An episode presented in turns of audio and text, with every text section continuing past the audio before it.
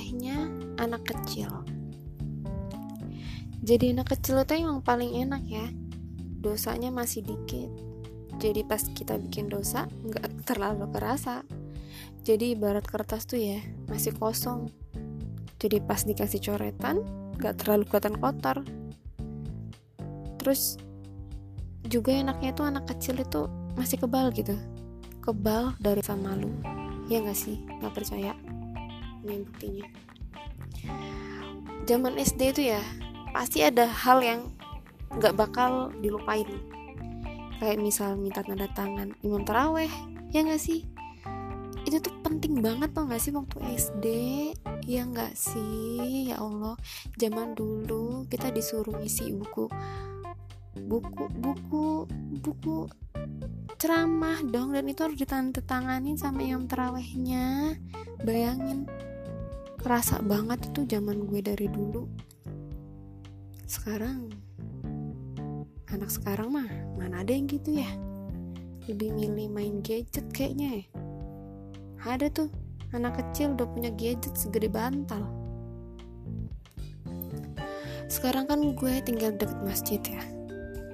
Jadi tuh ya bocah-bocah tuh kalau misalnya mau sholat ya nggak cuma sholat terawih ya sholat maghrib lah bukannya ikut sholat atau apa pun deh gitu. Main teriak-teriak. Udah tahu ya lagi sholat. Teriak-teriak. Mau ditegur tapi anak orang. Ya enggak sih? Gue tapi gue mikir ya kayaknya nggak separah itu dah gue ya mungkin namanya anak cewek ya. Tapi gue ngerasa sih dulu tuh sempet lagi ngaji main-mainan di masjid. Entah main apalah ribet banget. Emang sih gue gue pernah ngerasain seribut itu. Tapi tuh nggak lama. Selepas SD sih aduh udah bukan jadi anak TPA lagi. Aduh jadi anak gadungan. Ya itu mungkin ya karena pengaruh globalisasi.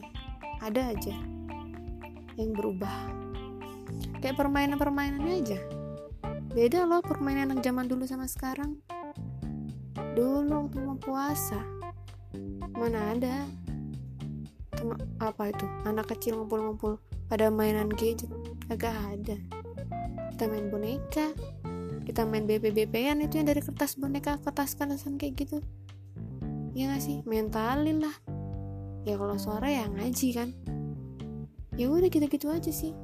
Jadi intinya ya setiap Ramadan itu ada aja yang kangenin apalagi masa kecil perubahan pasti ada. Ya nggak seluruh Ramadan aja sih. Sama diri diri kita juga kan banyak perubahannya meskipun ada yang nggak terlihat. Ya ya sudahlah. Namanya perubahan untuk dewasa ya. Ya mudah-mudahan sih ya.